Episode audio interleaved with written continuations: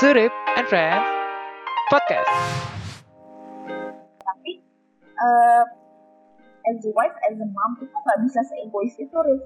Karena eh, bukan lulus soal kebahagiaan, tapi eh, apa ya namanya? Kita juga perlu apa namanya? Kita perlu pertimbangkan dari sisi well-being kita nih as a family, as a, as a human tuh sisi well-beingnya nih yang harus kita perhatikan gitu. Kalau hanya sekedar happiness yang dicari itu, itu lu nggak usah lu nggak usah mikirin keluarga lu, lu ini aja lu ngurus hidup lu aja gitu uh, lu nyalon, lu ngapain lah, hura-hura sama teman-teman lu gitu. Ibaratnya kalau lu masih mau ngerokok ya lu ngerokok gitu. Padahal rokok nggak baik buat hidup lu. Padahal uh, apa namanya kehidupan lu yang dengan diri sendiri juga nggak nggak apa namanya sangat ber, sangat berdampak negatif sama well being well, apa well being lu as a wife and uh, and as a mom.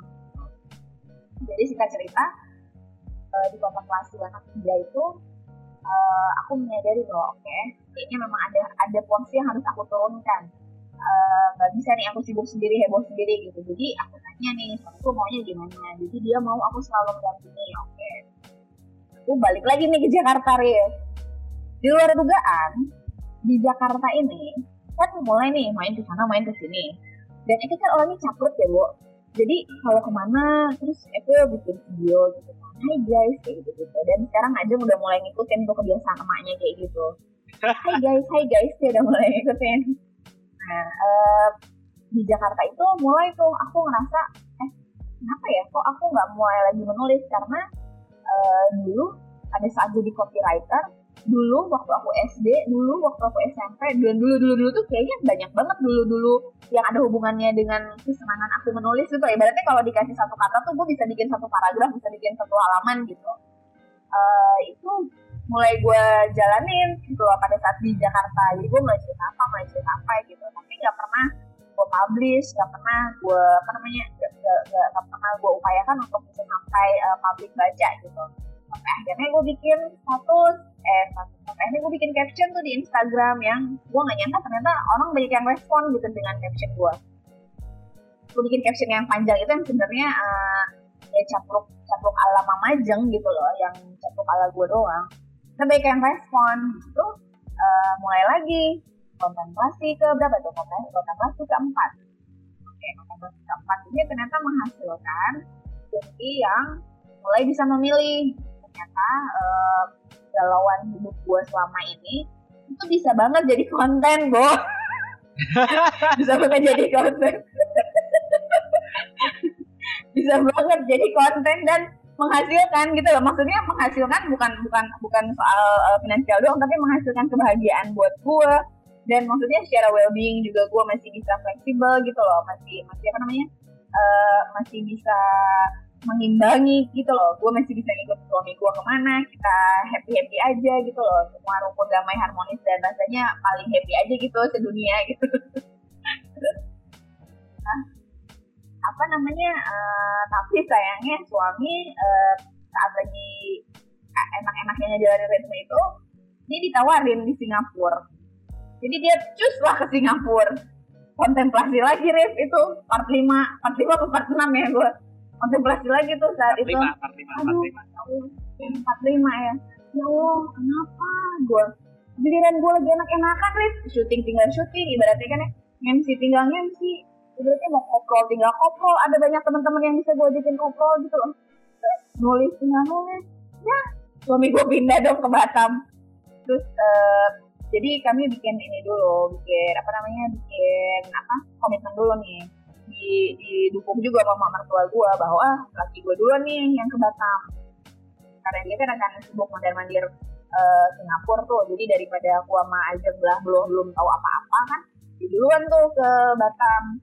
Dia di Singapura juga beberapa lama saat itu dua minggu atau berapa minggu. Jadi eh, sebulan tuh nggak ketemu. Di situ kontemplasi lagi Rif. Either eh, apakah gue dan Ajeng bisa hidup kayak gini tanpa bapaknya dalam waktu lama atau emang kita nih memang harus benar-benar hidup satu atap selalu gitu loh. Jadi ya disimpulkan memang eh, kalau hubungan jarak jauh gitu ya kayak long distance marriage itu aku pribadi sih memang nggak bisa jalan nih karena terlalu banyak noise. Kayak misal dia sibuk gue sibuk. Tapi giliran dia menghubungin gue gue yang lagi sibuk jadinya nggak enjoy. Atau nggak giliran gue yang lagi butuh dia dia dia dengerin gue dianya yang malah lagi sibuk uh, emang nggak bisa gitu. Jadi akhirnya uh, setelah satu bulan dia pulang. Pas banget ulang tahun anjing tuh tahun lalu bulan Juli dia pulang. Uh, dan dia putuskan buat oke okay, kita pergi ke Batam dengan tidak membawa apa pun selain baju. Rumah ditinggalin semua perabot ditinggalin. Pokoknya mau bener-bener udah rumah ditinggalin. Aku bilang ke bapakku bapak tolong urusi rumah gitu loh. Karena bener-bener dadakan beli tiket pula gitu. Udah terbang ke Batam kelas empat enam pas nyampe Batam Hah? Batam tuh ternyata kayak gini nih pulau bener-bener pulau. Pohon kelapa you know like lagu Nyur Hijau Nyur Hijau di tepi pantai. Ya gitu Rif jadi jadi tuh bener-bener gak ada apa-apa gitu loh. Maksudnya uh, people always thought that uh, Batam ini kayak nomor duanya Singapura lah gitu yang yang apa apa ada apa apa ada gitu uh, yang yang modern yang apa. Udah nggak ada apa-apanya memang dulu sempat maju zaman zaman Habibie Habibie sampai awal-awal SBY pemerintahan SBY ya udah kata aja sih memang udah mulai ada penurunan SBY apalagi sekarang Jokowi apa investor kabur apalagi sekarang COVID banyak PT-PT yang tutup gitu loh. Jadi ya uh, apa namanya di, tapi justru di Batam ini uh, mulai apa ya uh, mulai menapaki hidup yang benar-benar uh, tahu uh, apa namanya fungsi bukan fungsi uh, porsi istri kali ya porsi dan peran istri dari sudut pandang agama dari sudut pandang budaya dari dari sudut pandang fungsi pribadi kan juga harus juga tertahan nih bukan cuma melulu soal agama dan dan apa namanya bukan melulu soal agama dan budaya gitu tapi si yang ngejalannya juga harus ditanya ini lu mau berperan sebagai apa gitu as a wife uh, dari semua itu akhirnya uh, gue dapet nih yang sekarang pun sebenarnya kalau mau dibilang tuh di Batam ini jauh dari keluarga, nggak ada teman, semua teman-teman baru. Ada satu teman lama dia teman SD gue yang benar-benar dia uh, uh, she was really supportive dengan pindahan kami ke ini. Tapi memang uh, dengan dia pun nggak bisa apa namanya nggak bisa banyak ngobrol karena dia ibu anak tiga gitu. Jadi ya memang uh, agak terbatas gitu. Aku mulai dari awal bikin apa uh, bikin bikin pergaulan baru mengajak ajak bergaul dengan teman-teman yang baru mati dengan hidup yang baru dengan karir yang baru. Itu bukan karir yang baru ya dengan kerjaan yang baru gitu karir dia. Jadi kan IT itu uh, jadi si apa namanya si fase yang serba baru ini itu emang mungkin aku tuh lebih banyak apa ya ibaratnya kayak hitung-hitungan gitu loh. Kalau dulu kan ibaratnya kayak tuh granted tuh jadi ya udah ada udah disediain lo di Bandung mah mau nongkrong tinggal telepon siapa ya kan? Mau balik rumah orang tua ya tinggal ngesot juga nyampe gitu ibaratnya tapi uh, kalau sekarang begitu di Batam memang jadi lebih lebih lebih hitung hitungan kayak misalkan gue berteman dengan si ini dia membawa gue pada kebaikan ya. Apakah komunitas ini mengajak gue pada hal-hal yang baik atau enggak? Atau cuma sekedar gue ngikutin nafsu gue aja nih gue cuma butuh teman buat nongkrong buat apa ya hahihi gitu. Nah termasuk yang di radio itu real kesempatan gue siaran di radio itu juga itu gue ngikutin nafsu sebenarnya. Karena uh, kan sempat bilang ini sama suami gue sama teman-teman gue tuh 2020 ini, eh 2019 akhir 2020 ini, either gue punya anak atau gue punya karya baru gitu. Apakah gue mau menulis, apakah gue mau apalah kerja apa gitu. Dan ternyata gue datang ke satu radio di Batam dengan gak ada proses rekrutmen yang profesional, sorry ya. Uh, menurut gue memang kurang profesional karena cuma ketemu dan dan dan langsung kayak ditembak. Jadi siaran aja kayak gitu. Jadi nggak ada proses rekrutmen yang kayak nanyain pengalaman dan lain-lain gitu. Cuma sekedar kayak udah kirim CV kirim resume dan udah akhirnya jadi gue diminta uh, apa namanya uh, siaran dengan belum matangnya training dan gue kok udah berapa lama gue nggak gue nggak megang mixer gue nggak megang apa gue nggak tahu ngomong di radio itu kayak gimana kan. Jadi ya akhirnya uh, pada saat gue siaran itu memang di di titik gue memang harus kontemplasi lagi nih. Anak gue tinggalin dia gue tutup sama dulu ini kan dia udah kerja eh dia udah kerja dia udah sekolah. Udah, udah, udah kerja dikaryakan nih eksploitasi. Karya. Dieksploitasi anak itu jadi dia di apa namanya dititipin sama gurunya gitu. Walaupun uh, gurunya sangat-sangat baik gitu sangat perhatian gitu. Tapi gue tuh masih suka ingat ekspresi mukanya aja kalau gue tinggal. Jadi kayak apa ya kayak pas lagi siaran pun emang nggak konsen gitu akhirnya. Dan dan dan uh, sorry ya Rif, di Bandung ini kan masih ada uh, di Pulau Jawa atau di mana ya gue nggak tahu. Kalau di Batam ini sih memang beberapa bulan siaran sampai training lo lolos tuh lo nggak akan dibayar Rif. jadi uh, pengorbanan yang udah gue keluarkan itu tidak sebanding dengan apa yang gue dapatkan. Dan dan dan emang segmentasinya pun nggak cocok dengan dengan dengan gue gitu loh. Segmentasi nggak cocok terus apa namanya uh, profile company-nya juga nggak cocok gitu loh. Jadi ya buat apa gue lanjutkan gitu. Setelah gue ngobrol berkali-kali dengan HRD kok memang gak ada solusi yang gue rasa jadi kayak win-win solution gitu. Akhirnya bilang suami. Kalau suami kan tipikal yang emang sangat mendukung gue berkarir kan. Jadi uh, akhirnya gue bilang sama suami kayaknya gue nggak nyaman lagi di sini.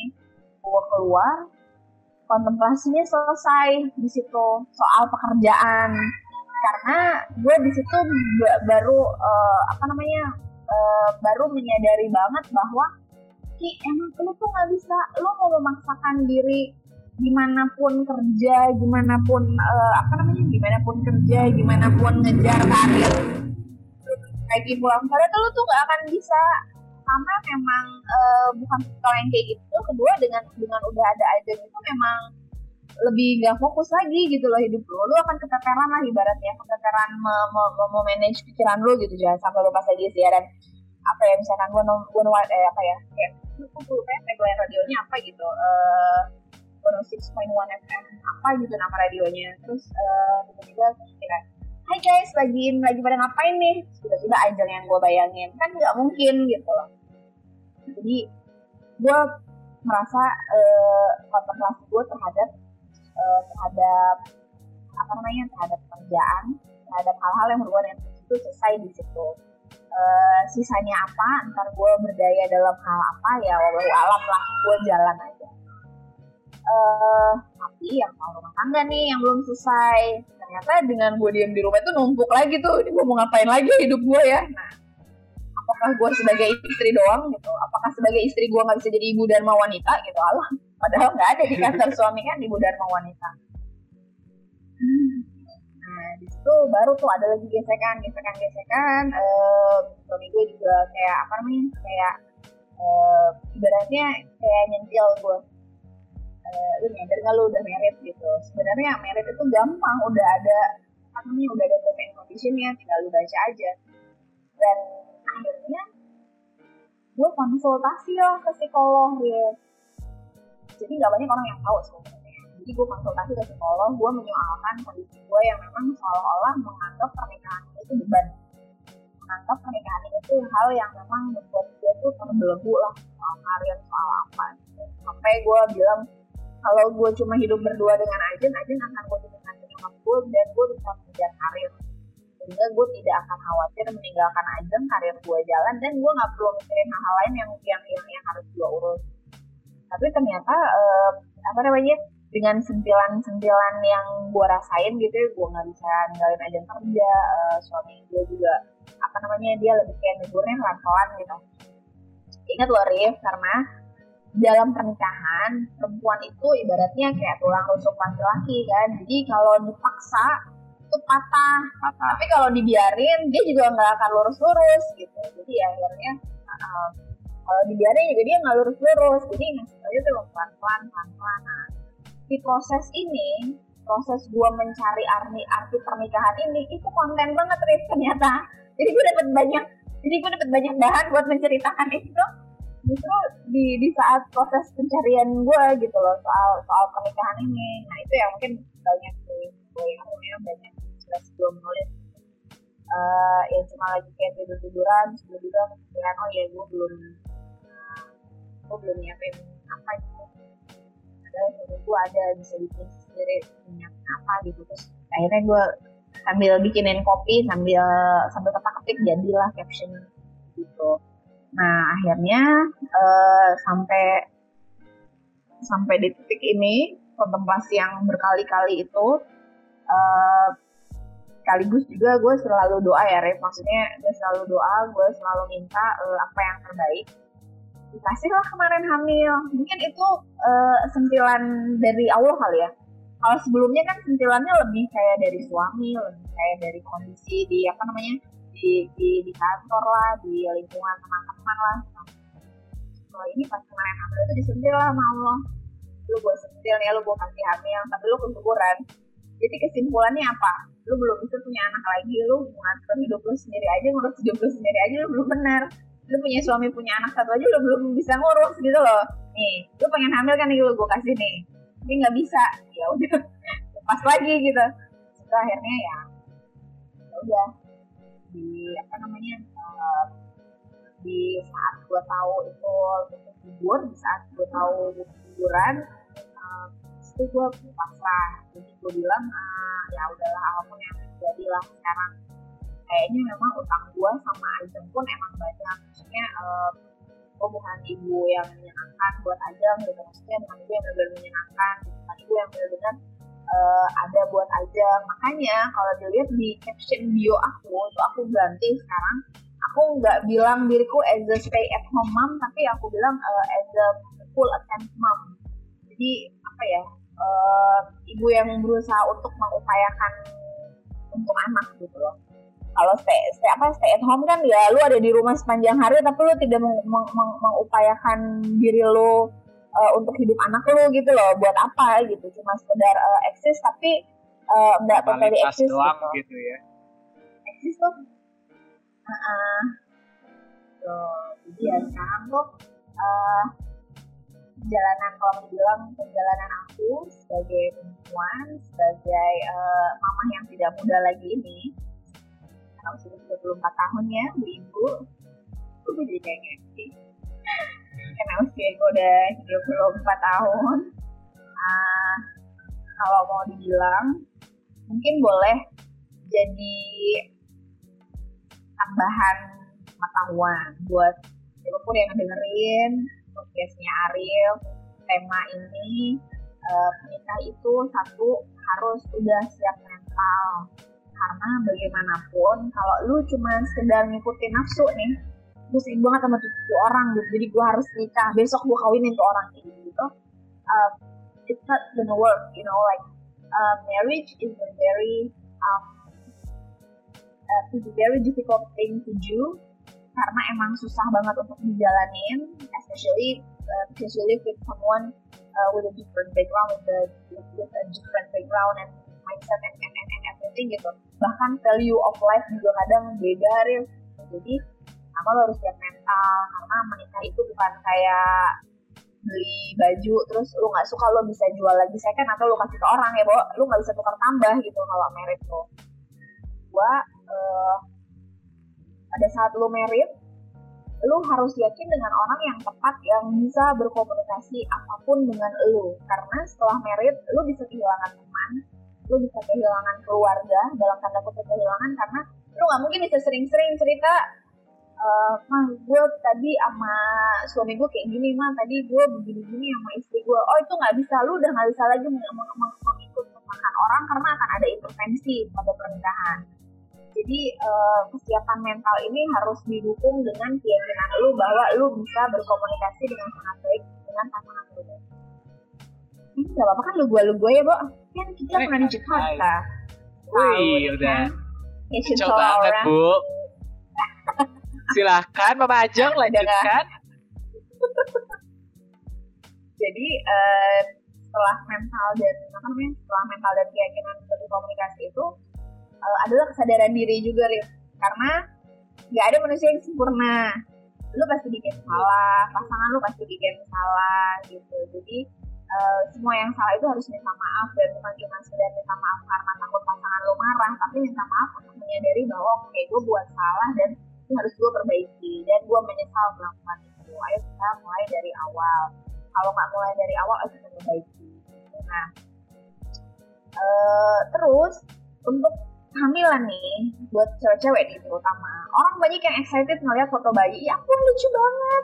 Ya ampun itu bayinya menggemaskan dan lain-lain. Dan kayaknya senang ngeliat perempuan hamil. But please uh, it's not as what you see in the picture because it might see at, at, at apa itu kayak uh, you might see it as a beautiful thing someone's pregnant dan apa namanya uh, photos gitu with their pregnancy tapi sebenarnya uh, it's not as beautiful as you see because um, di balik cerita kehamilan itu ada uh, ada emosi yang kocok gitu dengan segala kekhawatiran. Apakah kehamilan lo itu sehat? Apakah lo sehat? Apakah lo bisa lahir uh, melahirkan anak lo dengan normal? Atau harus lewat tindakan sesar dan yang sesar itu ada yang sakit, ada yang nggak sakit, yang lahiran normal pun ada yang sakitnya sampai kayak pengen kepalanya copot itu teman gue bilang kayak gitu, ini pengen gue lepas di kepala gue karena saking sakitnya gitu. Jadi jadi apa hamil itu jangan cuma sekedar lu merit, lu berbuat dengan pasangan lu terus lu tiba-tiba hamil ya hamil gimana dong? Ya udah kita foto aja kita uh, apa namanya kita maternal foto aja. Jangan kayak gitu bu jadi harus ya gara-gara pengen eksis tapi dia tidak menyadari satu yeah. tindakannya ya ya walaupun nggak tahu juga mungkin memang ada yang memang sebenarnya itu kali ya tapi ya well ya benar juga yeah. apa yang terlihat nah. belum tentu ya aslinya terlihat bahagia itu gitu kan so, itu yang yang lo lihat di sosial media itu itu benar-benar ini kok itu benar-benar tercepat kok karena uh, apa namanya untuk bercerita secara jujur itu memang susah setelah lahir pun tadi yang gue bilang di poin kedua lu harus yakin bahwa suami lo itu tipikal orang yang bisa yakin bisa lu ajak komunikasi dalam segala hal karena setelah setelah melahirkan akan ada manusia baru nih yang datang ke rumah lu yang tadinya bertiga tiba-tiba ada yang tadinya berdua tiba-tiba ada orang ketiga yang nggak tahu harus lu apain kan sebagai ini ya ibaratnya mau di apa namanya mau dicubit mau diapain cuma bisa nangis doang gitu kan. Kalau lu tidak punya partner yang benar-benar bisa yang lu lu akan kepayahan dan lu akan sedih dan lu akan merasa uh, lu menulis like this lu menulis this way. Jadi sebaiknya nikah itu memang harus benar-benar tahu esensi apa. Kalau yang muslim bacalah buku-buku uh, kajian pernikahan. Kalau yang nasrani bisa sering-sering tanya ke pendeta atau pastor kan suka ada layanan uh, konsultasi pernikahan tuh di gereja tuh. Uh, kalau yang agamanya lain juga bisa baca kitab pasti ada di situ tuntunannya karena di mana pun agama mengajarkan sama uh, soal mendidik anak soal parenting itu kayaknya sama deh panduannya di mana pun nah yang terakhir banget adalah uh, bagi diri kita sendiri dari hasil kontemplasi gue sih bagi diri kita sendiri uh, ada banyak hal yang katanya lu dapet dalam hidup karir kuliah S2 gue juga pengen Rif sampai sekarang gue masih pengen suami gue juga bilang itu kita lihat di Malaysia karena lebih masuk akal uh, tapi kemudian lu perlu tanya pada diri lu sendiri tiga hal uh, if you try to get necessary uh, apa lagi lagi gue lupa apakah ini baik apakah ini perlu apakah ini penting. Jadi kalau salah satu poinnya jawabannya enggak lebih ke tinggal macam. Contoh ya bu ibu. Ibu-ibu suka pada pengen beli barang branded ya terutama cewek-cewek kan? Ah itu aku juga suka bu. kalau yang bahannya nggak yakin awet. Jadi ya om-om ya. Om-om juga juga pada suka ya. Ayu, uh, jadi kalau misalkan lu nggak yakin ya kalau misalkan gak yakin uh, itu memang lu butuhkan baik nggak usah. Karena kalau udah merit dalam prioritas itu akan banyak banget berubah. Uh, kalau gue sekarang lagi gandrung sama merek sama merek coach nih. Gue lagi suka sama coach gitu. Jadi sekarang gue kalau mau ngeklik bayi itu gue pikir dulu nih. Hmm,